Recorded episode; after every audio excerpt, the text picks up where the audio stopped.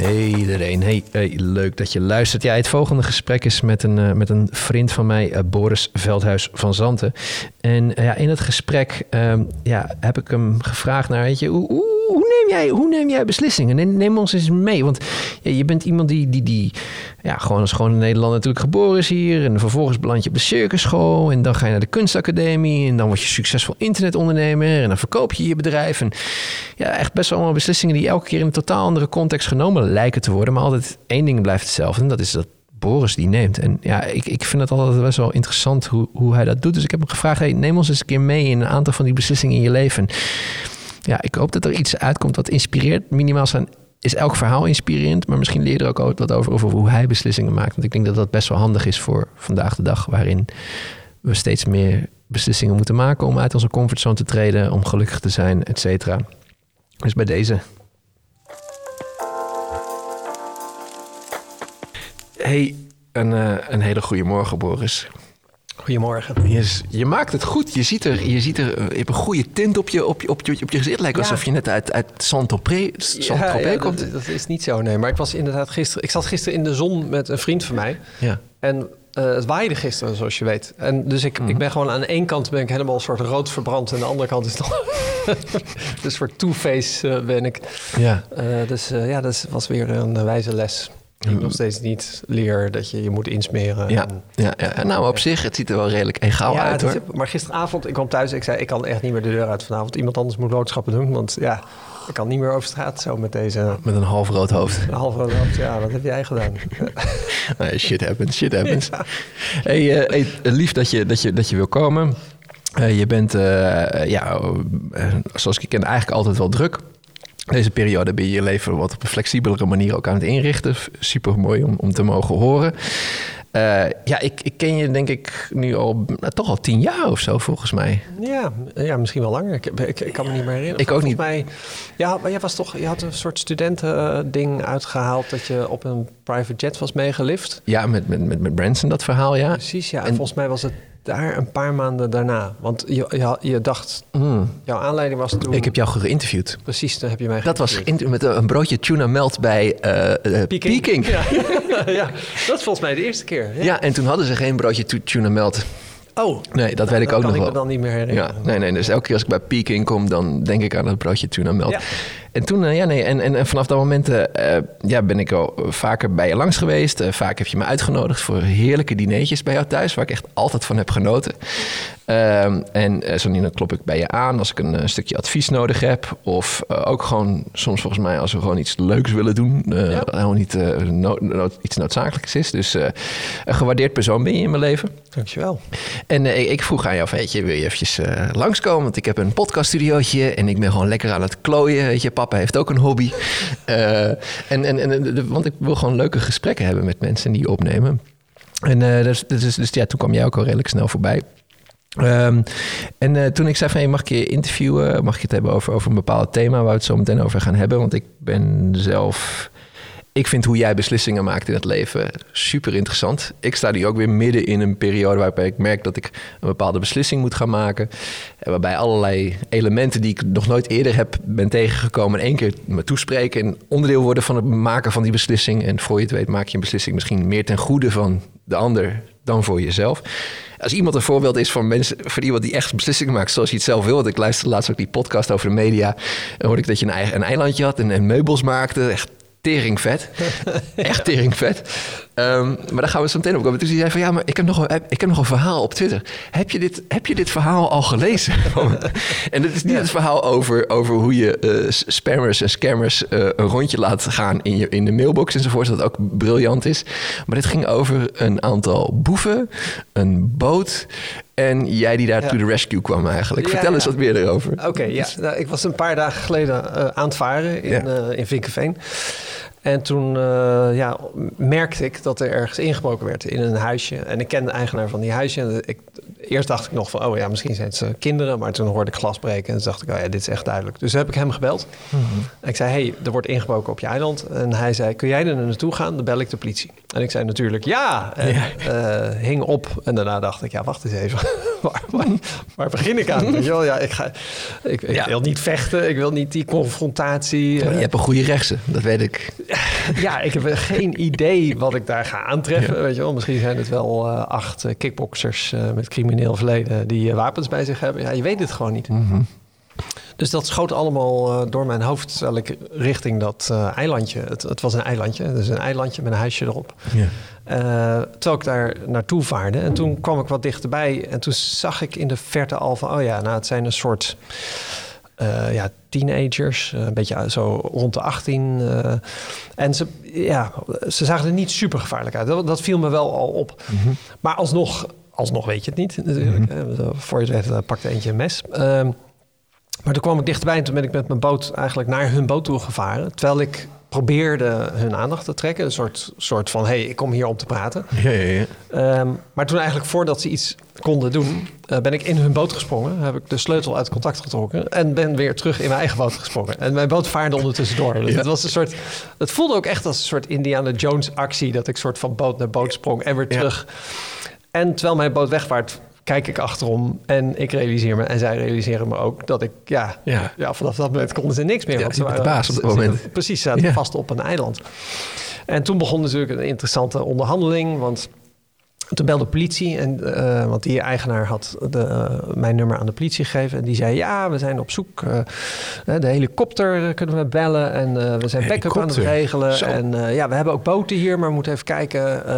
want u bent in achtervolging van de dieven. Dus ik zei, ho, ho, ho, wacht even, wacht even, wacht even. dus even, even, even, even, we kunnen even iets meer ontspannen. Want Ja. het zijn ten eerste, het zijn, ja, het zijn gewoon een soort 18-jarige hangjongeren. Ja. Ehm, ten tweede, ze, ik, ze zitten vast op een eiland, dus ze kunnen geen kant op. Eh, en zei ze, oh, oh, oh, oké, nou dat maakt het dan al eh, wat overzichtelijker. Maar zij dachten dat ik een soort in nood was. Dat, dat was hun eerste idee. En toen zei ze, nou kun jij ons dan komen ophalen met je boot? Toen zei ik, ja, dat is een kwartier varen. En dan moet ik jullie ophalen en een kwartier terug. Ik weet niet wat, ja, ik laat liever niet de, de kleine crimineeltjes een half uur achter bij, ja, je weet het gewoon niet. Nee, you don't know. Nee. Dus ik, maar wacht, ik heb wel een idee. Ik eh, bel me over vijf minuten terug. Toen heb ik ze weer aangesproken. En toen heb ik gezegd, hey, eh, ja, jullie zijn er gewoon bij. Hè, dat is, jullie hebben echt shit kapot gemaakt. Ja. En eh, acties hebben consequenties. Dus eh, de politie staat te wachten in de haven. En ja, dat is, het is gewoon, dat is wat eh, jullie toekomst. Ja. Ik kan er niet, niks moois van maken. En toen begonnen ze nog, ah, kunnen we het niet afkopen? Kun je niet een Oh, ja? tikkie sturen van 300 euro? Dus iemand anders 400 euro. Dus een ander 700 euro. Oh, dat- Eh, In de hoofd waren ze aan het rekenen of naar een spaargeld. kennelijk. Ik zei, ja, Vinkerveense jongeren waarschijnlijk. Dus ja, nee, nee, sturen. ze waren van heel, heel de provincie eh, ben ik Ah. al later achtergekomen. Ja. Maar in ieder geval, ik zei ja, dat is, eh, nee, dat is niet echt een optie. Want ze staan er al en eh, Mhm. ze verwachten gewoon jullie. En toen zei ik, maar goed, ik zie nu een paar opties. Ehm, ik kan jullie boot meeslepen en jullie hier achterlaten. Eh, of jullie kunnen me je ID's geven. Mhm. En dan krijg je van mij de sleutel en dan kun je achter mij aanvaren. Ja. En nou, toen moesten ze even overleggen. En toen zei een van die tieners van, nou ja, dat is misschien, ja, ja oké, ja, dat is het dan maar. Dus Ja. toen, eh, nou, hadden ze een ID's een stapeltje gemaakt. En een van hun heeft me die gegeven. Toen heb ik de sleutel gegeven en gezegd oké, nou, achter mij aanvaren. Ja. En toen belde de politie terug en dat was een hilarisch gesprek. Want die zei, eh, hey, eh, hoe gaat het? Ja, we kunnen misschien een soort boot hier regelen. Ik zei, nee, het is oké, ik ben op weg naar jullie toe. En toen zei ze, oh, maar hebben ze het achtergelaten? Ik zei, nee, ze varen achter me aan. En toen viel een soort stilte. Toen zei ze, hoe heb je dat nou weer voor elkaar gekregen? ik zei, ja, ja, ik heb dat goed onderhandeld. dus dat was allemaal... eh, en, en trouwens, één uh, saillant detail was dat... Ik, ik had een zwembroek aan, maar die ziet er een beetje uit als een boxershort. En ik was een soort op sloffen. Dus dat was ook... Het was niet een heldhaftig Nee, je zag er niet sexy uit. Nee? Nou ja, wel sexy natuurlijk. Maar, maar ja, ik voelde me niet heel stoer in mijn outfit. Nee. Nee. En dat was dus ook het grappige, want ik was, uiteindelijk kwam ik bij die eh, agenten. En een daarvan was een soort een beetje een stoere vrouw met tatoeages. En, en, en die, ja, ik had gewoon wel goed contact met haar. Op een Ja. manier dat ik dacht van, nou, misschien heb ik wel een beetje een soort flirt of zo. Het is Oh, gewoon ja. lachen en Ja. zo. Maar op een gegeven moment keek ik naar beneden en dacht ik, oh ja, ik sta hier op mijn sloffen in mijn boxershort. Ja. Hij is mij gewoon aan het uitlachen. Helemaal geen flirt. dus, nou ja, Zag je dat, van eh, heldenstatus naar ja, superheldenstatus. ik Oh shit, Bam. wordt hier gewoon uitgelachen. Naar beneden, ja. Logisch ook, ja. Wauw. Maar goed, toen kwamen we dus in de haven. ehm, Ja. Toen bleek dat de vader van een van die jongens, die was inmiddels in de haven, het was zijn Ja. boot, eh, daar raakte ik mee in gesprek. En ik zei eigenlijk meteen tegen hem van, hey, ehm, ja, het is ook gewoon echt een rottijd. Eh, Je zal maar 16 of 18 Ja. zijn in coronatijd. Oh. En, en ik zei ook tegen hem, ja, ik weet niet hoe jouw jeugd was, maar eh poeh, ik, ja, ik heb ook gewoon wel wat rottigheid uitgehaald. Dus ik zei, ja, ik ben niet eh, zo judgmental eigenlijk. Ehm, en ik zei, en ik ben eigenlijk, ik heb ook gewoon niet heel veel zin om er een enorm probleem van te maken bij die politie. En dat was ook een beetje een strategie, want ik dacht opeens van ja, wil ik zes jongeren als vijand? Ja. Wil ik die vader tegen me in het harnas jagen? Of Oh. kan ik dit omdraaien op een manier dat iedereen blij is? Ja, ja, ja. ja. En dat langzaam eh, begon dat plan zich te ontvouwen. Dus toen heb ik het- in de boot al, zei ik tegen die jongeren, zei ik, hey, we komen zo bij de politie. Ja. En ik, ik heb gewoon a- eigenlijk, ik begrijp echt wel dat jullie gewoon eigenlijk de pleuris verveelden en niet harde criminelen zijn. Dus we maken een deal. Jullie gaan zo gewoon de waarheid vertellen en zeggen dat je je enorm spijt. En jullie betalen de schade en je gaat je excuses aanbieden aan de eh, eigenaar. Maar dan ga ik mijn best doen bij de politie. Oh ja. Dus ik ga een goed woordje doen voor jullie. Ik neem het echt wel voor je op. En ook bij je vader. Ja. Dat is de deal. Ja. Nou ja, ze hadden ook weinig andere keuze natuurlijk. Maar dat heb ik ook gedaan. Dus toen die politie erbij kwam, zei ze... nou, wilt u aangifte doen? Want dan gaan we, gaan we ze gerechtelijk eh, vervolgen. En dan gaan we ze wel eh, in bewaring stellen nu. eh, in het busje Zo. halen en zo. Dus de politie was best serieus. En toen zei ik, nou, ik heb met de, met de vader overlegd en met de jongeren. En ik denk dat wij er samen wel uit kunnen komen. Dus nee, ik ga... En natuurlijk op een manier dat de jongeren dat allemaal hoorden... zei ik, nee, ik ga niet Ja. eh, aangifte doen. Eh, en dat was eigenlijk best een mooi moment. Want op dat moment realiseerde ik me van... oké, nou, nu zijn eigenlijk de jongeren... Ja. waren niet blij met mij. Nee. Maar die begrepen wel van... oké, nou ja, deze kerel is er echt niet op uit. Oh, Goeie pik. Ja. Ja, precies. Goede pik. En die vader was natuurlijk ook enorm opgelucht. Die bleek ook een huisje te hebben. Gewoon Mm. wat ik kan zien vanuit mijn huisje. Dus ik zei, jezus, we zijn een soort buren. Ja. Het is echt super gênant dit voor iedereen. En toen, dus toen heb ik ook tegen hem gezegd... en tegen die eh, kinderen gezegd van... hey, laten we gewoon proberen dit samen op te lossen... op een manier Ja. dat we in de zomer met z'n allen een biertje kunnen drinken... en hierover kunnen lachen. Ja. Maar de komende maanden wordt het even zuur voor jullie. maar laat dat het doel zijn. Ja. Hè? Dat we gewoon er op die manier uitkomen. En zo is het eigenlijk geëindigd. Dus dat Wat ja, mooi. het was voor, voor mij natuurlijk echt een ontzettende... Ik was zo tevreden aan het eind van de Ja. Kun je je voorstellen dat Tuurlijk. je gewoon denkt... ik heb gewoon in mijn eentje Ja. zes criminelen. Oké, er zijn Ja. hangjongeren, maar toch, Toch. criminelen... heb Je- ik gewoon gegrepen door slim te zijn en niet sterk. En, eh, en ik heb het op een of andere manier zo weten te onderhandelen... dat eigenlijk iedereen wel blij is met mij. Ja, dat doe je heel nice. Dat is eigenlijk iets. Ik bedoel, als je praat over helden en als superhelden. Kijk, een superheld die, die, die, die, die knalt zich er wel gewoon doorheen. Maar dit is gewoon echt gewoon realiteit held. dit was verfijnder. Ja, een stuk verfijnder. Heel, eh, ja. En ergens dacht ik natuurlijk ook, wat een gedeelte van mij eh, wilden ze natuurlijk in elkaar slaan en opknopen aan de hoogste boom en vieren Oh. delen. En, want ja, je hebt zo vaak eh, dat, hè, dat je fiets wordt gestolen of er wordt ingebroken of er wordt iets kapot gemaakt. En dan krijg je ze nooit te pakken. Dan heb je zo'n Ja. hekel aan die mensen. Dan denk je, ah, als ik er eentje in mijn vinger zou krijgen. Ja. Maar ik vond ook, eh, achteraf was ik zo tevreden dat ik, dat ik die emotie een soort Achterwege kon laten. ja, dat ik gewoon daar overheen kon stappen en dacht van ja, wacht eens even. Ja, maar op een gegeven moment dan, dan kun je jezelf toch wel enigszins mee eh, identificeren. Ja, mee, Eh, dan weet je precies, ja. wat je ziet, weet je, die opening.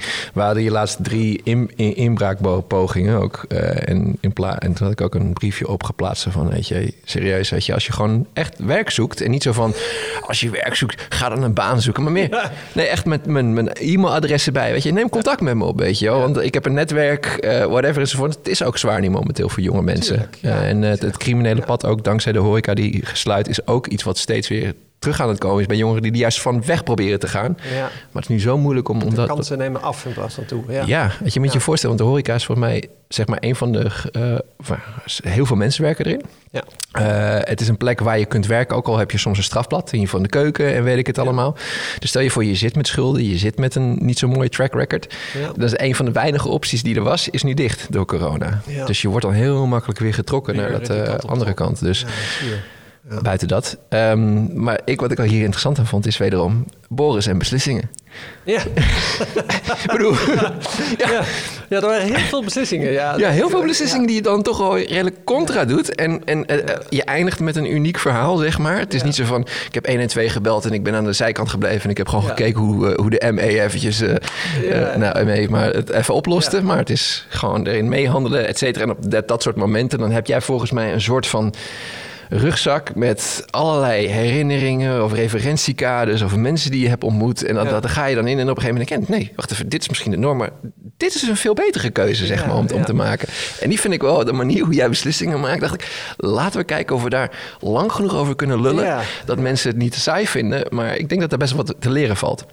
Want uh, de podcast waar ik het uh, over heb is voornamelijk, weet je, ik, ik denk dat we nu in een versnelde, uh, in een versnelling komen waarbij we zeg maar die nieuwe, een nieuwe era, dat is onze marketingterm, maar gewoon zeg maar een nieuwere manier van denken en doen mag wat meer naar voren komen. We mogen wat humaner gaan zijn. bepaalde ja. vormen van technologie beginnen nu echt gewoon de norm te worden.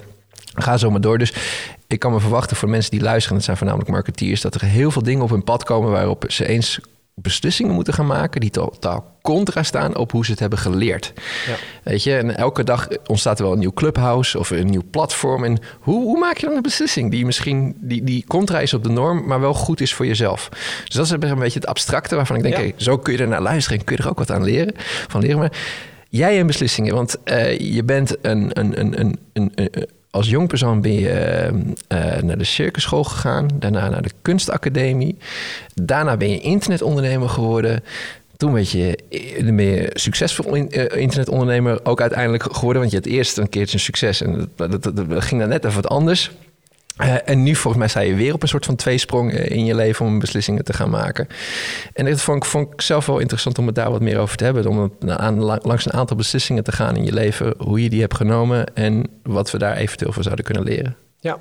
Dus, en de eerste, eerste is eigenlijk, want het, wat ik ooit kenmerkend vond aan jou is dat je zei van ja, ik ging een keertje naar een schoolreunie reunie op de basisschool.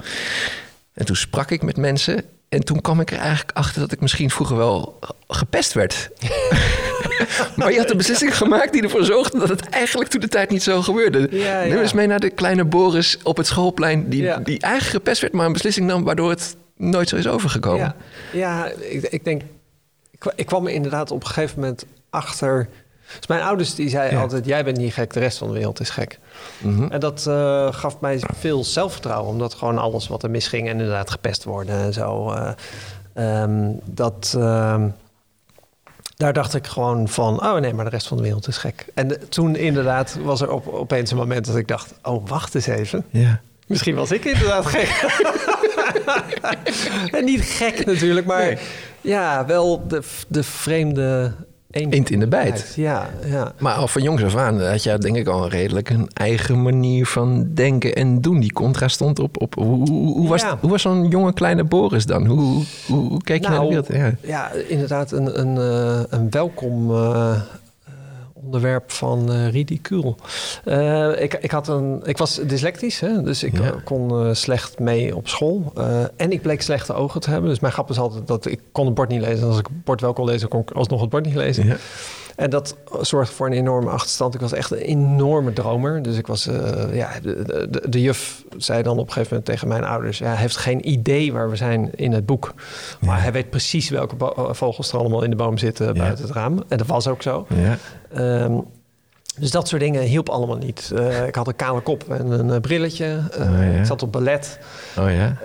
ja, we, we, onze wijk grensde aan een wijk met een beetje een achterstandswijk. Dus ik, en ik, was, ja, ik werd echt de hele tijd gegrepen op straat. Oh. Dus dat was een beetje mijn jeugd. En, en door dat alles heb ik toch niet een soort ongelukkige herinnering daaraan. Ik dacht gewoon van ja, dat is gewoon hoe het is. En ik moet zelf een beetje um, het leuk maken. Ja, en Interessant. Dus ja, ja want jij bent, me niet. Ja. ja. want je bent, vind ik, gewoon... Uh, je bent echt zo... Ja, het is, je moet niet uh, allemaal zitten ophemelen en, en veren in je reet steken. Maar je bent wel... Je, je hebt scheid eigenlijk op, op heel veel fronten. Waar anderen, zeg maar... Scheid is misschien nou, niet het juiste woord. Maar, Of tenminste de juiste benoemingen van. Maar daar komt het wel op neer. Van je bent echt zo wie je bent. Dus is dat misschien al deels wat daar al is begonnen eigenlijk? Dat je... Nee, maar ik weet wel precies het moment waarop dat begon. En dat oh, was, dus ik was 15. En toen uh, was ik... Ik was de hele tijd van school aan het verwisselen. Want ja omstandigheden. Eh, en toen zat ik op één school en toen liep ik volgens mij al drie jaar achter. Dus ik zat een soort in een klas met, met kinderen die drie jaar jonger waren. En toen, dat was gewoon een soort moment dat ik me realiseerde van... oh ja, ik moet nog zo ontzettend lang op school zitten. En het is zo'n lijdensweg. En toen leerde ik iets over de circusschool. Ik dacht, hé, hey, verdomd, er bestaat gewoon een circusschool. En ik wilde eigenlijk naar de kunstacademie en daar was ik te jong voor. Hmm. En toen heb ik het besluit genomen, ik ga van school. En dat was spannend, want ik had gewoon leerplicht. Uh, Ja. maar iemand sprak ik en die zei: Nou, kijk, die instanties die zijn zo traag dat als je vijftiende van school gaat, voordat ze erachter zijn, ben je 16. En dan, uh, en dan rek je het nog een jaar en dan is het eigenlijk al niet meer relevant. Dus als je, als je gewoon niks zegt, nergens opgeeft, dan, uh, dan, dan kun je die gok nemen. Dus dat was spannend. Maar goed, Ja. dus toen heb ik aangekondigd, ook bij mijn ouders, gezegd: Ik ga van school, want ik ga naar de circusschool. Ja. En mijn ouders waren gewoon zo opgelucht dat ik iets had gevonden waar ik zo enthousiast over Ja. was, dat ik bereid was om, om daar heel veel voor te doen. Maar anyway, het, het moment, eh, er was een soort eh, ja, een defining moment, dat er een leraar was op school en die nam mij apart en die zei: Boris, ik heb gehoord dat je van school gaat. En daar moeten we het even over hebben, want je moet je realiseren, als je nu van school gaat, dan ga je een soort echt gewoon recht de goot in. Ja. En dan heb je zo'n achterstand ten opzichte van iedereen anders. Dan zul je alles wat je wil bereiken, zul je keihard voor moeten werken. En in je eentje. Want je hebt geen support meer van de maatschappij of wat dan ook. Ja. En hij zei dat natuurlijk om mij bang te maken om terug in school. Ja. Maar op dat moment, nou, ik was echt, er ging een wereld voor mij open. Want ik dacht Ja. gewoon, holy shit. Dus dat betekent dat van nu af aan kan ik gewoon echt doen wat ik wil. Ja. Dus ik, dieper dan dit kan, Kan niet. yes. En dat betekent, nou, dat is een world of Je opportunity. vrijheid. Ja. Vrijheid, ja. Ja. En ik dacht, en van nu af aan alles wat ik ga doen, Ja. is gewoon mijn eigen credit. Ja. Dat is, ik hoef dan nooit meer te zeggen, ja, dankzij. Nee, nee, dat is gewoon ik. En ja, daar moet ik wel hard voor werken. Maar goed, dat is, dat is Ja. het ook echt waard. Ja. only way is up. Absoluut. Dus ik ging, en ja, dat was zo'n, ja, een, een, ja, een defining moment. Een, dat, vanaf dat moment dacht ik, nou, van nu af aan ben ik de baas van mijn leven. Dus dat was eigenlijk ook wel misschien wel voor jou, als je dus, als je dus kijkt in, jouw in jouw historie gewoon van Boris zijn. Dat was echt wel het defining moment dat je voor het eerst echt een keuze maakt. Waar je de idee had, die maak ik echt volledig voor Boris. En Ja. voor Boris alleen.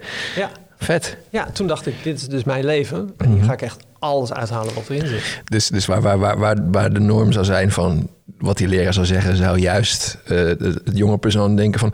oh nee, dan blijf ik maar op school, weet je wel. Want dan de groot, weet je. Ja. Is dat bij jou juist... eh, Ja, en door ja. een optelsom van factoren, mijn opvoeding en alles wat ik heb meegemaakt, was dat voor mij een soort vonkje, waardoor ik dacht, oké, Ja. nou, dit is helemaal te gek. En dat heb ik altijd wel gehad. Dus ik, ik, ben, ik ben uiteindelijk naar de kunstacademie gegaan. Ja. En het eh, jaar daarvoor, want ik, was, ik had geen eind, eh, ja, ik had geen diploma, hè, dus ik moest aangenomen worden op mijn talent. Dus ik dacht, ik moet zorgen dat ik een heel goed portfolio heb. Mhm. Dus toen ben ik terechtgekomen bij een eh, soort artistiek inst- ja, instituut, waar ze cursussen gaven, modeltekenen, fotografie en etsen en kalligraferen en allerlei dingen. En toen ben ik naar de directeur gegaan en ik zei van ja, ik wil naar de kunstacademie, maar ik moet me voorbereiden. Dus mag ik bij jou gewoon al je cursussen doen? Mm. En toen zei hij, nou, dat kun je niet betalen. Maar eh, wat we kunnen doen is dat ik maak een programma voor je van vijf avonden per week en drie dagen per week. Maar dan moet je twee dagen per week voor mij werken. En Oh. gewoon alle shit klusjes doen die ik zeg dat je moet doen. En ik dacht, nou, dat is echt een Ja. topdeal natuurlijk. Dus op eh, donderdag en vrijdag maakte ik de wc schoon en schilderde ik de muren en stofzuigde ik en dwelde. En, en eh, gewoon twee dagen echt heel hard werken. Mhm. Maar het resultaat daarvan weer was dat, kijk, als je, als je met je vingers kak uit de dameswc hebt staan krabben. en het regent s'avonds en je hebt de cursus, dan denk je, ja, mooi dat ik ga. Ja, Want zeker. weet je hoe hard ik hiervoor heb Ja, gewerkt? Dus absoluut. ik, had, ik was super gemotiveerd. Ja. En toen ik eenmaal op de kunstacademie was aangenomen, dacht ik, ik heb zo hard gewerkt om hier terecht te komen. Mhm. Dat ik, ik, heb, ik heb geen uur gespijbeld of overgeslagen. Omdat ik gewoon dacht van ja, ik heb nu eindelijk dit bereikt. Ik ga hier alles uithalen wat erin Ja, zit. En, ja. en dat heb ik ook behoorlijk gedaan. Ja, want, want als je nog eentje nog even in, want wat ook een, een, een eentje is die bij mij wel op mijn netvlies is gebleven. Want toen ben je die kunstacademie, je hebt ook die, die, die circusschool gedaan.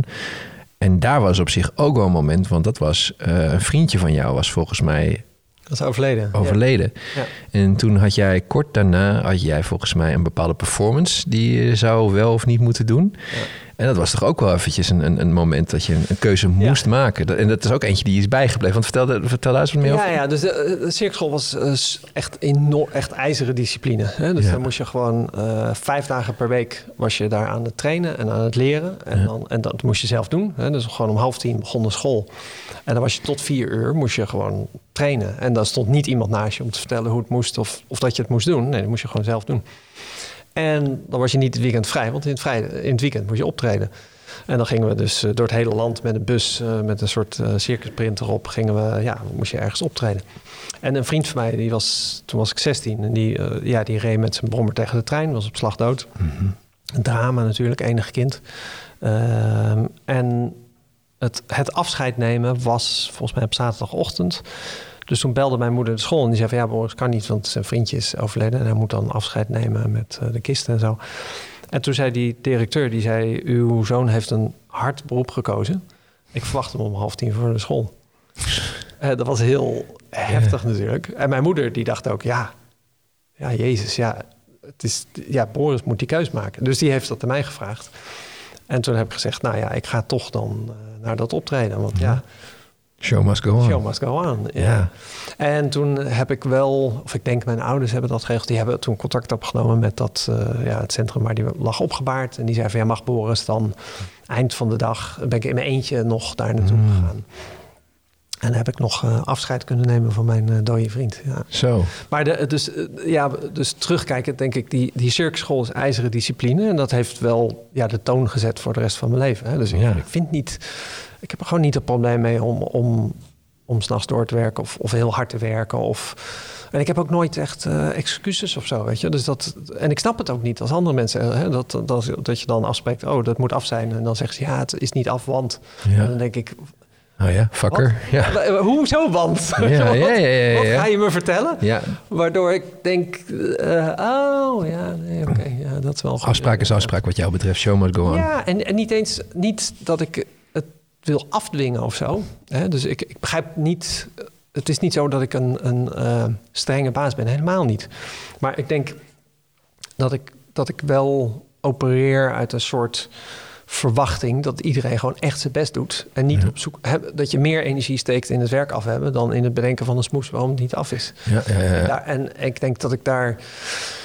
Het is niet eens dat ik dan eh, boos word of zo. Maar ik denk dat je aan mijn gezicht kan zien hoe teleurgesteld ik ben. Ja, weet je? Omdat ja. ik dan gewoon dat zo niet verwacht. Dat ik gewoon oprecht gewoon Maar is het dan... eh, sprakeloos ben. Maar als een persoon dan op het moment, zeg maar nog twee dagen voor de oplevering bij je aanklopt en dan zegt bijvoorbeeld en je meeneemt in de context van ik denk dat ik het niet ga redden, Ja, maar dat is allemaal prima. dat is helemaal prima. Ja, maar op het ja. moment eigenlijk dat het zou moeten opgeleverd worden en dat Ja. je er dan pas mee komt, Ja, je voelt feilloos aan of iets gewoon een excuus is of, Ja. of echt. zeker. En hè, kijk, als, het, als, het, als iets af moest zijn en je vraagt... Hé, waarom is het niet af? En er komt een verhaal, ja, dan is het meestal een excuus. Ja. Want als het namelijk een verhaal is en je zegt de dag van tevoren... hé, hey, ik, zit met, eh, ik zit met dit, ik krijg het allemaal niet voor elkaar... dan denk ik, oké, waar kan ik helpen? Weet je, dat is, dat, dat Ja. is helemaal geen probleem. Nee.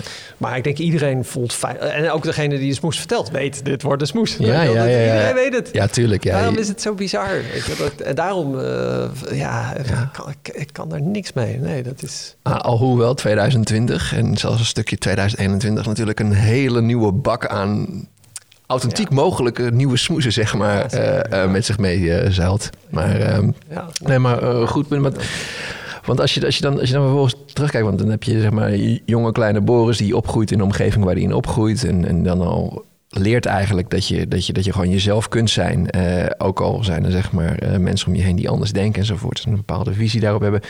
Dan op een gegeven moment wordt het dan heel duidelijk aan je gemaakt. Het is eh, in de goot of buigen naar de maatschappij eigenlijk. Ja. Dan is het voor jou, ah, let's go voor de goot. Let's go. Freedom! Freedom. Dan heb je vervolgens dat je, dat je in het maken van beslissingen te leren ook deels krijgt van weet je, wat het ook is, koste wat het kost. Eh, maar de commitment die je uitspreekt is de commitment die je zal leveren.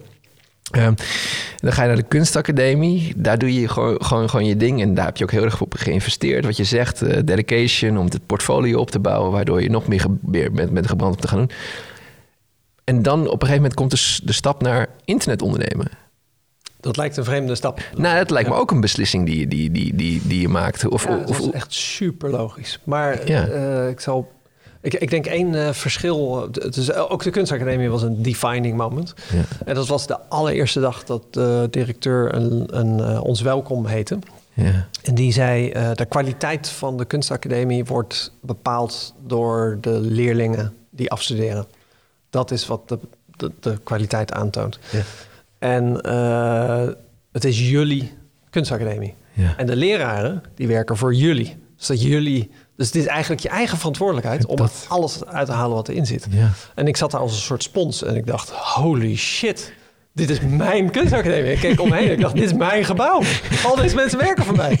En dat is gewoon hoe ik het heb vertaald. En ik was hem super dankbaar voor dat verhaal. En vanaf dat moment, ik was een hele moeilijke leerling, denk ik. Omdat, weet je, ik had dan... Ik weet nog dat ik na een half jaar ging naar mijn leraar... en toen zei ik van, hé, hey, ik wil ook leren hoe die computers werken.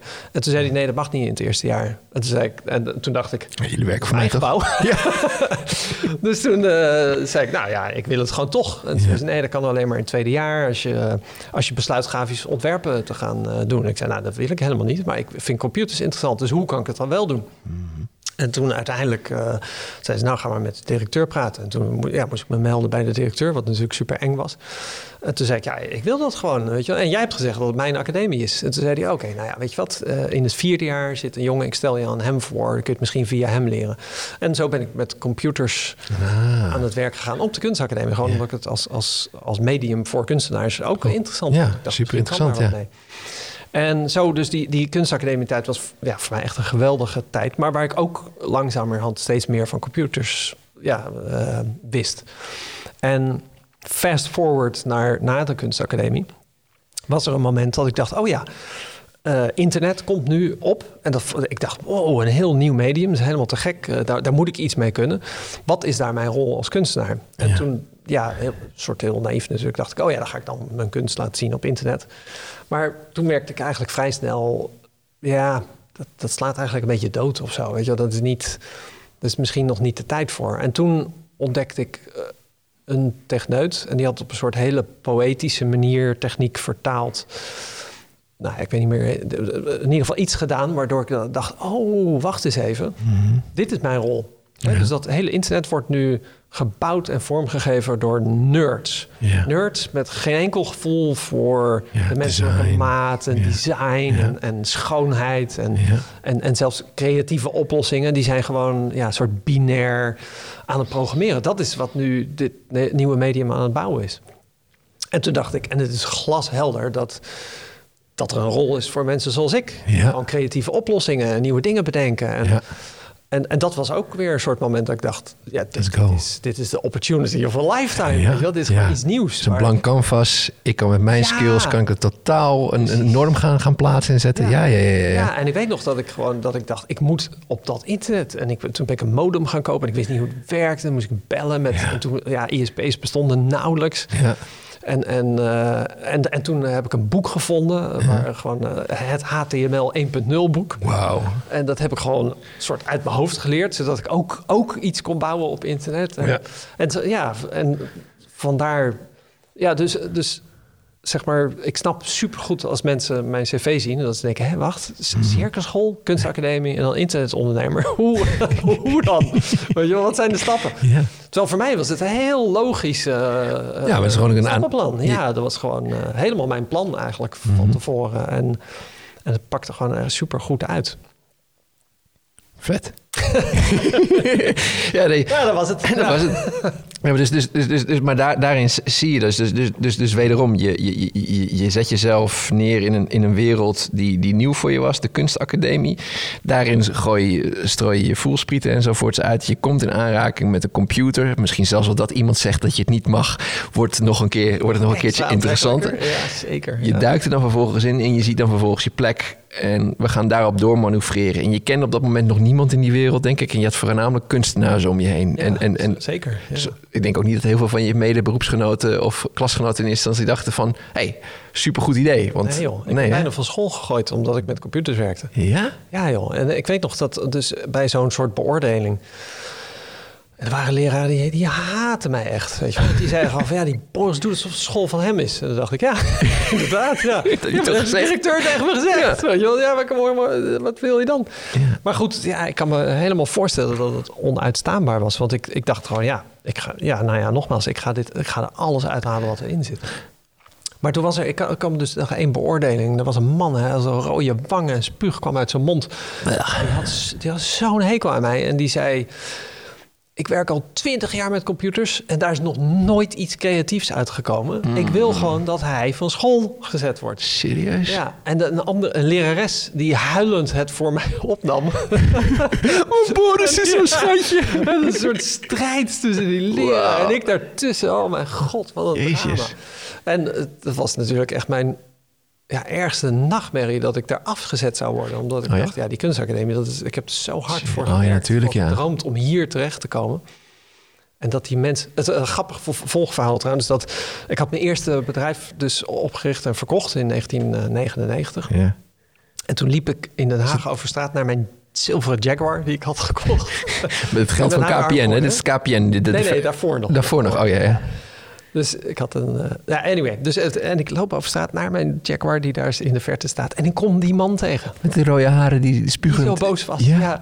En eh, die, die herkent mij ook. En die zegt, hey, hey Boris, eh, hey, hallo, hoe gaat het met jou? Oh, wat lekker ik dit. voel de zeurigheid. En ik denk, dit is mijn moment. Ja. Dus nu kan ik tegen hem zeggen hoe, hoe gaaf ik ben. Heb je een lift nodig? ja, dus ik zeg tegen hem, het gaat heel goed. Ik heb een internetbedrijf. En ik wil hem vertellen, ik heb een internetbedrijf. En dat is heel groot geworden. En dat heb ik net verkocht voor een multimiljoen. Ja. En ik zeg, ik heb een internetbedrijf. En voordat ik verder kan gaan, zegt hij... Ja, jij en duizend anderen. En loopt weg. Oh. En ik stond daar echt zo beteuterd van... Ja. Eh, weer niet gelukt. ik denk niet dat het ooit nog goed komt. Ja, bedoel, hoeveel, hoe- hoe- hoeveel, hoeveel, hoeveel jonge mensen moeten hun ziel wel niet eh, kapot hebben zien gaan op het moment dat ze werden geconfronteerd met leraren of mensen die hiërarchisch eh, hoger in de boom zaten en hen vertelden dat het toch geen toekomst had of dat Ja. toch helemaal. Ik bedoel, in mijn generatie is het denk ik veel meer de generatie geweest met. Denk je nou echt dat je met computerspelletjes geld kunt gaan verdienen? ja. ja. Puntje bij paaltje nu. Ja, weet ja, je wel. Ja, ja, nee, maar dat is zo interessant. Je hebt een... ehm, Ja. oh, moet ik, oh ja, Douglas Adams. Ja. Douglas, Do- Douglas Adams, de science fiction schrijver. Die heeft op een gegeven moment gezegd... ehm, alles wordt uitgevonden... Alles wat er, wat er is op de wereld tot je vijftiende... is een soort normaal en denk je niet over na. Mhm. Alles wat wordt uitgevonden tussen je vijftiende en je 25ste... is helemaal te gek. En is, kun je waarschijnlijk heel veel geld mee gaan verdienen. Ja. En dan zegt hij, en alles wat wordt uitgevonden boven je dertigste of zo, zegt hij, is verschrikkelijk en against the natural order of things. Ja, ja, ja, ja. ja. En daar- dat is natuurlijk, Ja. ja, dat- inderdaad. Het Ik zijn- merk het ook aan mezelf soms nu hoor. Dat ik- Tuurlijk. Ja. Nee, daarom is het zo, ook zo interessant. En ik word ook ouder, omdat ik dan... En dan komen er, wat is nu eh, de thing? eh, de Bitcoin, eh, NFC's is nu... eh, en dan merk ik gewoon dat ik denk... Oh mijn god, ja, ik heb er geen zin in, weet je wel. En dan Om denk ik, oh, oh, ik ben een oude lul geworden. ja, ja, ja. Want in- vroeger had ik, was ik daar opgedoken. Aha. Ik dacht, oh, een exciting 100%. new thing. Ja. Ik ga daar alles over leren. Ja. Binnen, binnen een maand ben ik expert. En dan ga ik er mijn geld mee verdienen. Ja. Nu denk ik, ja, ja, ja, ja. So good, so De good. jeugd van tegenwoordig doet maar gekke dingen. Ja, maar je, maar je hebt ook eigenlijk gewoon minder tijd om in dat soort dingen te investeren eigenlijk. Ik bedoel, je, je dus tijd wordt spaarzamer. dus. Natuurlijk, ja. Maar, Ja. maar ik merk het hoor. Ik denk, eh, ja, dat is toch... Het is een soort ja, natuurwet bijna. Hè? Dat je inderdaad, als je jong bent... dan is alles gewoon Ja. sexy en, en interessant. En, en, je, Ja, maar- en je hebt ook tijd. Je gaat tot vier uur s'nachts iets zitten lezen... en dan Zeg maar, uur... ja, maar al je kansen zijn ook gewoon oneindig voor je gevoel, weet je. Alles kan nog. En, en, Ik heb, dat, ik, ik heb dat nu, zeg maar, want dat is uiteindelijk waar ik naartoe wil, wil, wil werken. Maar misschien moeten we er gewoon, gewoon eerder aan, aan, aan beginnen. Mhm. Is dat juist nu ik 35, oh nee, ik ben 36, excuus. Eh, juist nu ik 36 jaar oud ben, eh, merk ik dus in één keer een druk ontstaan, zeg maar, op, op, op, op mijn normbesef, op waar ik voor wil staan. Eh, ik bedoel, iemand die, die, die, die vertelde me uit, het is een goede vriend van mij, Piet, die had ooit een keer een soort van sessie met allemaal big shots en weet ik het allemaal. En Zoals een inspirator ervoor, die zei, die pakte vier suikerklontjes. En deze groep is allemaal een beetje onze leeftijd, weet je wel, rondom de 40. Ja. En die zegt, oké, elk suikerklontje staat voor 20 jaar in je leven. Suikerklontje 1 tot en 2, poef, weg, weet je wel. Gewoon, Nu heb je nog 40 jaar. Let's say dat je vanaf je 60ste ongeveer steeds minimale kunt, dingen kunt gaan doen. Ja. Poef, nog één suikerklontje heb je.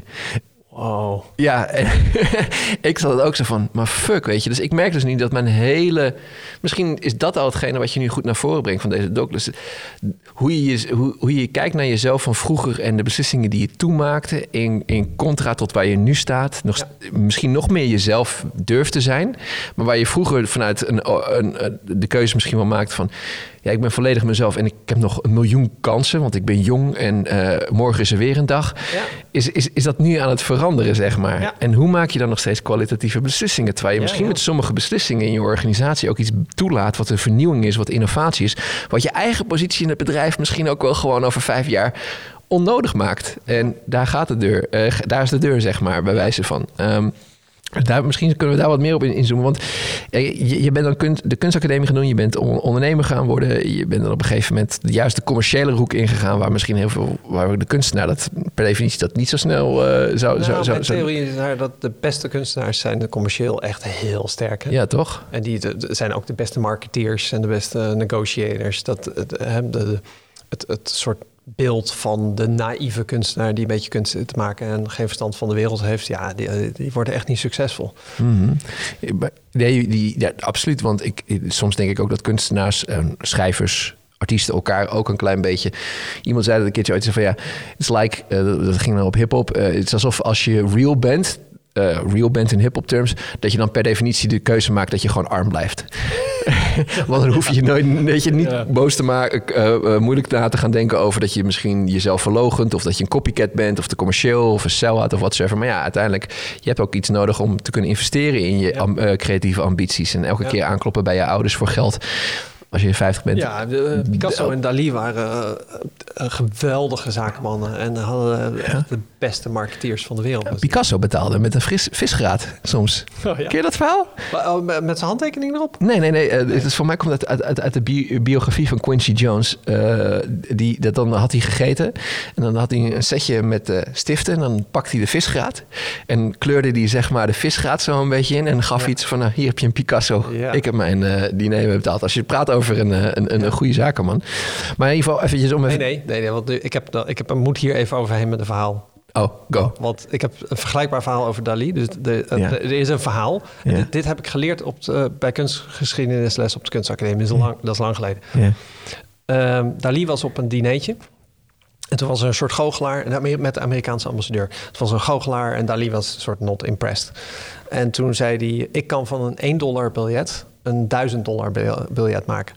En nou, die ambassadeur zei van, nou, dat wil ik wel zien. Dus hij gaf me 1 dollar biljet. En toen pakte Dali zijn eh, pen, zette er een handtekening op en gaf hem terug. Sick. Dat vond ik zo'n mooi verhaal. Ja. Omdat ik gewoon dacht van, oh ja, het is, het is gewoon ook... Zeg maar de, de hele economie erachter, achter dit voorbeeld. Het is natuurlijk prachtig dat je Ja. waarde creëert... terwijl er eigenlijk niet iets spectaculair verandert. Dus ik heb- vond het altijd een prachtig verhaal. En toen, ik denk tien jaar geleden... wilde ik dit een keertje opschrijven. eh, voor, ik weet niet meer waarvoor, maar voor een verhaal. Dus toen dacht ik, oh ja, even zoeken. Kijken of ik het kan vinden. En het enige wat ik kon vinden was een auction in Engeland... van een 1 dollar biljet met de handtekening van Dali erop. Vet. En die heb ik toen gekocht. Heb je hem? Ja. Heb jij dat biljet? Ja, Serieus? Ik heb dat dollarbiljet met zijn handtekening erop. Ja, en dit klinkt alsof ik daar vermogen heb uitge- aan uitgegeven. Maar dat viel ook nog wel mee. Het was, nou, het was volgens misschien duizend pond of zo. Wat, wat natuurlijk veel geld is. Maar ik denk, ja, ik heb dit verhaal zo vaak verteld. Dat is echt een soort de inspiratie voor mijn carrière. Weet je, Ja. hoe kun je van niets iets maken? Ja. Van- en waarde creëren. En, en toen had ik die opportunity, ja, die kans om dat te kopen. En dan heb ik dat gedaan. Dus die hangt ingelijst in mijn Vet. huis. Oh, ja, ik, Nooit verhaal, ik moest even... Ja, tuurlijk. Ja. Doorbreek het gewoon. We zijn ook gewoon lekker aan het lullen, Ja. weet je wel. Ik bedoel, ik, ik, ik, probeer hier wel ergens de Sven Kokkelmans uit te hangen. Maar eh, weet je, we gaan gewoon van hot naar her. Ja. Nee, nee, maar ehm, wat ik wel interessant vind is zeg maar... ehm, want die keuze die je hebt gemaakt... en elke keer lijkt het wel hoe, hoe, hoe, hoe enger het schrikbeeld was voor de normale mens... hoe interessanter het werd voor jou. Omdat het in één keer gewoon heel duidelijk was... oké, als dit zeg maar gewoon het, het risico is... dan zie ik daar legio mogelijkheden om Ja. daar nog alsnog het beste uit te maken. Ja. Nou, nu ben je eh, al, al- nou, hoe lang ben je al internetondernemer? Je zit nu 15 jaar, is de Next Web toch? Ja, en daarvoor, ja, volgens mij is dus mijn eerste internetbedrijf was 1997. Ja. Uh, het is nu 21. 1997, dat is 24 jaar. is al 24 jaar in dit vak. 24 jaar. Zo. Ik zit al 24 jaar in het vak. maar ja, god zeg. Uh, maar, maar, maar, maar die, die, stap heb je doorgaan. En misschien kunnen we ook wel sprongen maken. Want er zijn genoeg referentiematerialen online te vinden over al dat wat je daarin hebt bij Bekokstof. Nu ben je CEO. En uh, we kunnen het eruit knippen als je niet wil. Maar je, je, je, zegt nu dat je eigenlijk stiekem twee dagen in de week werkt. En dat je een afspraak uh, hebt staan om, om gewoon. Is er weer een beslissing die eraan gaat komen eigenlijk in je leven? Die, die, die, want ik vind dat, dat eilandje op Vinkenveen, uh, teruggaan naar de basis, naar, naar waar je in eerste instantie de Boris was, die iedereen binnenhaalde in zijn huis en praat over technologie. En... Nou, ik doe dat allemaal nog steeds, ja. Maar het, eh, ik denk wel, het is um, eigenlijk mijn COO, die zei tegen mij uh, op een gegeven moment, je, je doet het eigenlijk het allerbest als manager. Als er een moment komt dat je het gevoel hebt oh, ik ben eigenlijk niet meer nodig. Ja. En het is niet zo dat ik niet meer nodig ben. Maar ik merkte op een gegeven moment wel, uh, ja, het bedrijf wordt zo groot dat, dat mijn taak wordt steeds specifieker eigenlijk. En uh, de verantwoordelijkheid wordt ook steeds groter. En ik heb dat dus 15 jaar gedaan. Daarna hebben we het bedrijf voor de helft aan Financial Times verkocht. En toen was het volgens mij weer, het is bijna twee jaar later. En op een gegeven moment merkte ik, uh, ik ben natuurlijk wel eens op vakantie geweest, maar je kunt nooit vakantie nemen van je verantwoordelijkheid. Die mhm. gaat gewoon altijd door. En toen sprak ik met haar en toen zei ik, ik zou heel graag een keertje vakantie hebben van mijn verantwoordelijkheid. Dus ik, eh, zou jij ervoor openstaan als ik één, twee of drie maanden uh, eigenlijk mijn verantwoordelijkheid aan jou overgeef? Dus dan word jij ja, interim CEO, zou je kunnen mhm. zeggen. En dan ga ik uh, tijdelijk, uh, in ieder geval in, in mijn, mijn inkomen, uh, heb ik teruggeschaald naar alsof ik twee dagen per week werk. En de realiteit is dat ik eigenlijk iedere dag voor TV werk nu. Maar ik heb vakantie van mijn verantwoordelijkheid. Ja, ja, ja. ja. Uh, voor een periode van drie maanden. En ik, heb, ik zit daar nu twee maanden in, dat is 2 april, dus ik heb mhm. nog een maand. Mm -hmm. En uh, ja, het grappige is dat de eerste twee weken zei ik, waren er verschillende momenten dat ik, dat ik tegen mensen om me heen zei: Ik heb bijna het gevoel alsof ik ecstasy op heb. Het is gewoon zo'n opluchting om een keertje te denken. Als de when the shit hits the fan, dan komt het gewoon nu even niet bij mij uit. En, ook, en uiteindelijk misschien nog wel hoor, maar, maar in principe, zij lost het nu op. En ja, ik moet zeggen dat dit is wel echt de beste vakantie die ik in mijn leven heb gehad. Omdat dat het is zo anders dan vrij van je werk, vrij van je verantwoordelijkheid. Mm. En verder, eh, ja, er zit niet, verder is er niet. Het is niet een soort van. Een, een, een, als je praat over die terugbrengen naar die suikerklontjes, wat voor mij een soort van pff, was. Weet je, ja, ik bedoel, nu 36 en denk ik ook in 40. Ik hoop dat ik het dan nog lang mag, mag, gaan volhouden. Ik merk wel dat ik op een andere manier aan het kijken ben naar de beslissingen die ik maak in, in, mijn leven. Ik bedoel, uh, in eerste instantie was ik ook zeg maar die, die, voel her en der wel soms gelijkenissen, weet je wel. Dus straks van... Als, als, ik had ook eigenlijk altijd issues met, met de mensen op school. Alle leraren. Ik was ook 15 toen ik naar, naar school toe moest. En ik van, ik, tekenen vind ik leuk. Laat ik naar school gaan waar ik superveel kan tekenen. Um, maar elke keer waar, waar, de opbouw van de beslissing was elke keer een soort van uit een soort van totale vrijblijvendheid, een totale vrijheid. Uh, en juist wanneer de, de downside ernstiger was, was de vrijheid voelbaar groter. En dan kon ik daarop inzoomen. Terwijl ik nu zeg maar op een andere manier probeer mijn beslissingen te gaan maken. Enzovoort. Ik word ouder, ik heb minder kans, ik heb minder opties. Ik kan niet meer zeg maar die duizendpoot zijn die alles enzovoorts doet. En, en, maar je, heb eh, zie jij daarin wel dat, jou, dat jouw manier van beslissingen maken, dat er andere elementen langzamerhand mee gaan spelen? Uh, ja, om, om... Ik, ik denk, uh, kijk, een gedeelte is. Um, je, wordt, je wordt eigenlijk steeds meer gefocust mm -hmm. en, en eigenlijk steeds efficiënter. Hè? Ja. Dus ik, ik heb op een gegeven moment wel dus het is zo'n heel interessant proces als je van start-up naar scale-up gaat en je wordt ietsje groter. Ja. Dat in het begin doe je gewoon alles zelf. Hè? Want ja, zo ja. het. We zijn gewoon met z'n tweeën begonnen, Patrick en ik, en dan doe je alles zelf. Simpel. Je, je begint met de wc schoonmaken en daarna stuur je een offerte en daarna restart je de server en daarna doe je sales en, en je doet alles. En dan, kom je, wordt het bedrijf ietsje groter en dan zit je, laten we zeggen, met 15 mensen die ook allemaal alles doen. Ja. Maar, en dan komt er een moment dat je iemand gaat aannemen en dan merk je, hé hey, verdomd, die doet helemaal niet alles. Die doet gewoon Eén. maar één ding. Ja. Dat is namelijk een designer. En die doet design. En die maakt niet wc's gewoon. En die maakt ook geen offertes. En hij weet ook niet hoe de server Ja. werkt. Ja. En dan op een gegeven moment merk je weer van... oh, nu heb ik drie designers. En nou is de designer die het langst is... is automatisch de baas over die andere drie. Dus die is designer en manager. En dan in het volgende stadium krijg je van... oh, hey, verdomd, nu hebben we zes designers... En een manager, die Ja. eigenlijk helemaal niet designt... die managt alleen de designers. Ja. Dat zijn allemaal soort interessante stapjes. En, en logisch. Maar het interessante is ook wat er gebeurt met jezelf. Ja. Dus als je namelijk gaat delegeren, en dat iedereen herkent dit, de eerste keer dat je iemand anders iets laat doen, is altijd een deceptie, een teleurstelling. Want ze doen het niet zo goed als jij het zelf zou hebben gedaan. Maar dat is niet helemaal waar. Ze doen het namelijk gewoon niet zoals jij het had gedaan. Ja. En dan voldoet het niet aan jouw beeld daarvan. Dus dan denk je, oh, dan is het niet zo goed. Maar als je dan eh, single purpose people aanneemt, namelijk een designer die alleen maar designt, dan komt er een moment dat jij niet een vooropgesteld idee hebt van wat je wil bereiken, maar gewoon zegt: dit is wat we moeten hebben. En dat je een soort blind vertrouwt op diegene. Ja. En dan komen ze terug met iets wat je niet had verwacht en wat beter is dan je ooit had verwacht. Ja, ja. En dat is natuurlijk echt een, Geniet je van. een heerlijk moment. Want dan, dan zie je opeens iets en denk je: oh mijn god, Ja. dit is gewoon zoveel beter dan ik überhaupt ooit had kunnen bedenken. Ja. En, en dat is een soort eh, transitie waar je doorheen gaat als, als ondernemer. Dat je in het begin denkt, ach, het is zo moeilijk om goede mensen te vinden. Ja, ze doen het allemaal niet zo goed en nou dan doe ik het maar weer zelf. Ja. En dat is niet goed management natuurlijk. Nee. En dan, dan maak je een soort omslag, ontwikkeling, waarbij je op een gegeven moment merkt, oh wacht eens even, Ja. ik moet leren mensen te vertrouwen. Mhm. En dat zij dan met dingen komen waar ik helemaal niet over. Dat is juist natuurlijk Heerlijk. een enorme kracht. Ja. En ik denk dat als je dat dan weer doorvoert, ja, dan kun je eindeloos in optimaliseren. Tot er Ja. een moment komt dat je eigenlijk aan het begin van het jaar zegt: Dit is ongeveer wat ik wil bereiken. Ja. En ik vertrouw erop dat jullie allemaal eigenlijk beter weten dan ik Ja. Hoe je dat voor elkaar krijgt. Ja. En dan kun je eigenlijk eh, weg. You're gone. Bij wijze van- Ja, ja, of twee dagen in de week. Of, of... Ja, dus, dus ik merkte op een gegeven moment.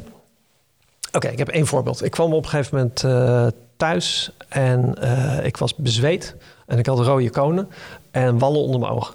Ja. En mijn vriendin zei, eh, Jezus. Konen zijn eh wangetjes, toch? Ja, Ja, oké. ja, mijn Nederlandse taalbegrip soms... Ja, sorry, excuus. En eh, ik zag er duidelijk uit alsof ik een pak slagen had gehad, zeg maar. Oh. En, en mijn vriendin zei, Jezus, wat is met jou aan de hand? Gaat het? En toen zei ik, oh, ik had, ja, ik had gewoon echt een heel spannend telefoontje. En zei ze, Hmm. één telefoontje? Ik, ja, ja, ja. Zei ze, hoe lang duurde dat telefoontje? Ik zei, ja, 14 minuten. En toen zei ze, wacht even hoor. Dus jij bent helemaal naar de kloten... omdat je deze hele dag één telefoontje hebt gedaan? Ik zei, ja, ja, maar het was echt een heel belangrijk telefoontje. Zei weet je hoeveel telefoontjes ik doe op een dag? 30. Ja. Ik zei, ja, oké, maar kijk, dit telefoontje ging over de toekomst van het bedrijf. Ja. Ik heb dat telefoontje een week voorbereid. Ik heb met iedereen die er toe deed in het bedrijf gesproken. Wat kan ik verwachten in dat gesprek? Hoe antwoord ik als ze dit zeggen? En toen kwam dat gesprek en toen viel het eigenlijk allemaal heel erg mee. En eh, was het een soort... Maar goed, ik had me voorbereid op de worst. Ja. En toen heb ik het een beetje goed onderhandeld en toen pakte het goed uit. En dat is een moment dat ik denk van, oh ja, dat is mijn leven nu. Hè? Ja. Dus het, het gaat er niet om dat ik 30 telefoontjes doet. Nee, of acht uur per dag werk. Nee. Nee, maar op de essentiële momenten Dat je er staat. doe ik iets heel belangrijks. Ja. Wat, wat een enorme impact kan hebben op de toekomst. Ja, ja, ja. En soms eh, doe ik daar misschien wel tien van per dag. Mhm. Maar ja, eh, soms gaat het ook gewoon best goed met het bedrijf. Ja, En dan doe ik misschien wel drie dagen niet één zo'n telefoontje. nee. Dan ja, zit ik een beetje bij meetings. Ja, gewoon mee te luisteren, te eavesdroppen Ja, als nodig is. Inzoomen. doen. Ja. Eh, hè, dan is er een probleem en dan denk ik, oh, is er een probleem? Dan zeggen ze, nee, nee, nee, dit is een probleem. Maar dat Iemand lossen wij op. Ja. Daar heb je ons voor. Ja. Dan denk ik, oh ja, oh ja. ja Prettig man. Prettig man. Ja, een soort. Dus, maar kijk, het is niet zo dat. Dat ik een soort lui niks zit te doen de hele dag. Want Nee. die verantwoordelijkheid ligt bij mij. Ja, En ik weet dat als het echt niet goed gaat, dan moet ik het oplossen. En dan is het nooit een simpel iets. nee. Want daar, dat, dat kan de rest van het bedrijf. Ja. Dus je zou kunnen zeggen.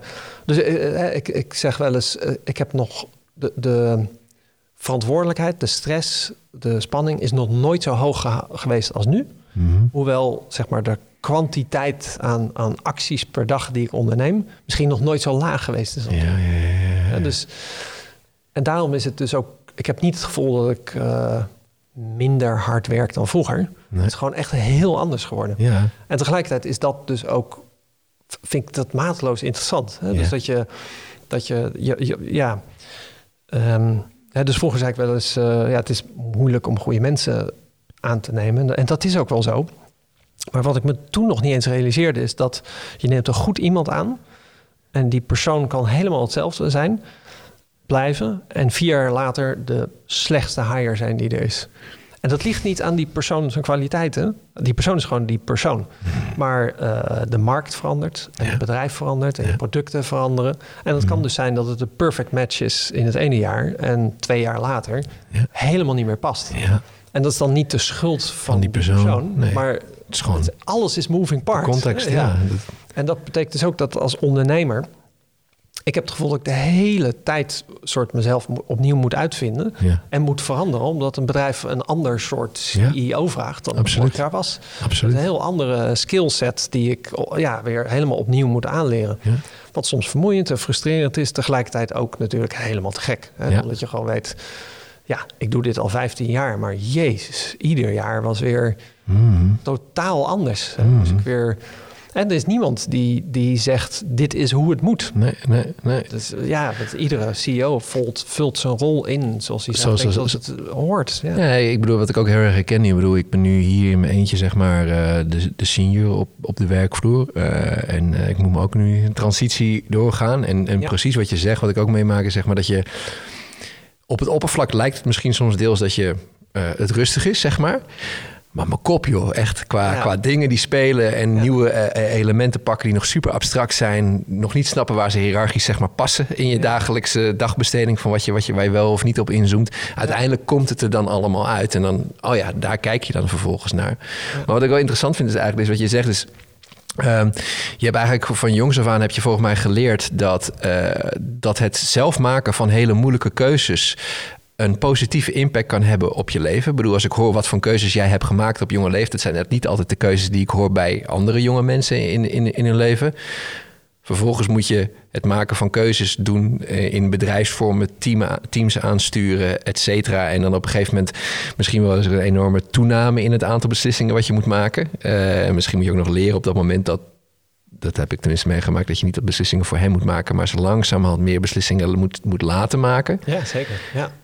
Maar ze daar wel mee in heel goed mee kunt meenemen dat ook moeilijke beslissingen juist een hele mooie upside hebben. Want dat heb je gewoon geleefd, dat heb je gewoon doorgemaakt.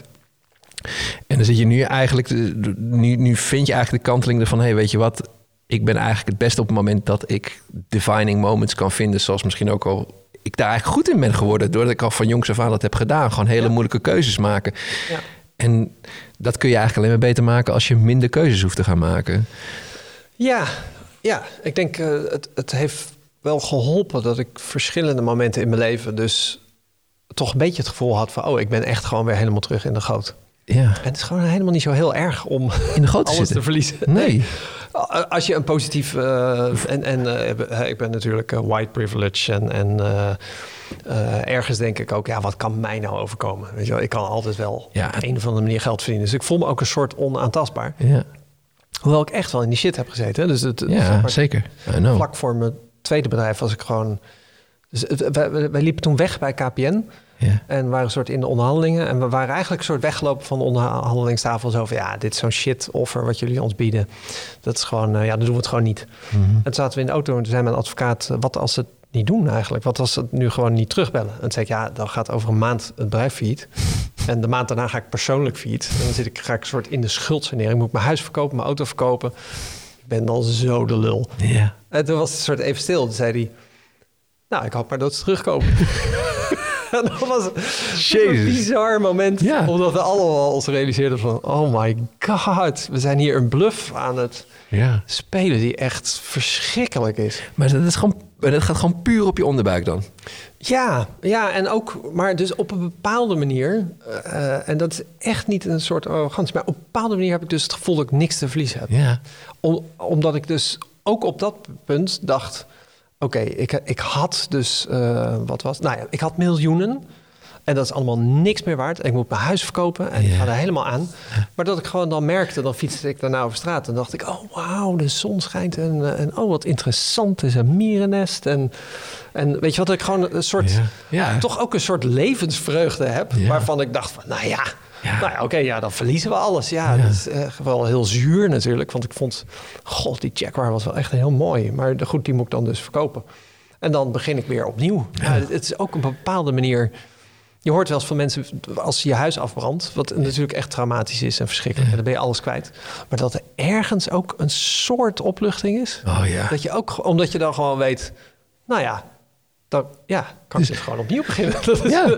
ja, en dat heeft ook iets... Oh, dat is het. Bedoel, het is meer verschrikkelijk dan gaaf hoor. Maar, maar, Nou, maar, maar, iedereen heeft het erover. maar- ja, er is een... ja, maar die, die, die, die last van, van, van, van dat dingen gewoon eh, die op je, op je schouders zitten waarvan je denkt, ja, wat je denkt, dat, dat, dat mag daar rusten, want het heeft een waarde, aantoonbaar, zoals die fotoboeken. En op een gegeven moment is dat weg en dat je merkt, oh, fuck, ik, ik heb het eigenlijk helemaal niet zo Oh, nodig. Ja, die vaas die ik heb gekregen, die ik eigenlijk niet echt mooi vind. Maar ja, Ja, eh, ik, ik, ik, ik, ik deed het. ben je? Nou, ik, ik- hoe ik vroeger verhuisde van, van, van, van, van kamer of van huis naar huis was ook vaak. Ik, dat, ik- stel het uit, de verhuizing. En op het laatste, echt het laatste moment ga ik dan inpakken. Maar dan denk ik mezelf, ik heb eigenlijk niet, niet groot genoeg vervoer.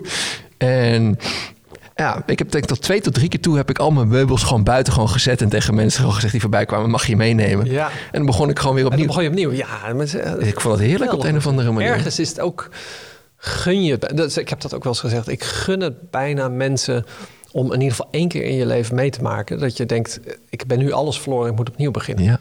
Omdat dat is het moment dat je, dat je je realiseert van... oh ja, wie ben ik eigenlijk? Dus eigenlijk moet je gewoon, om goede beslissingen te, te maken, moet je dus eigenlijk een keertje gewoon in de goot hebben gelegen.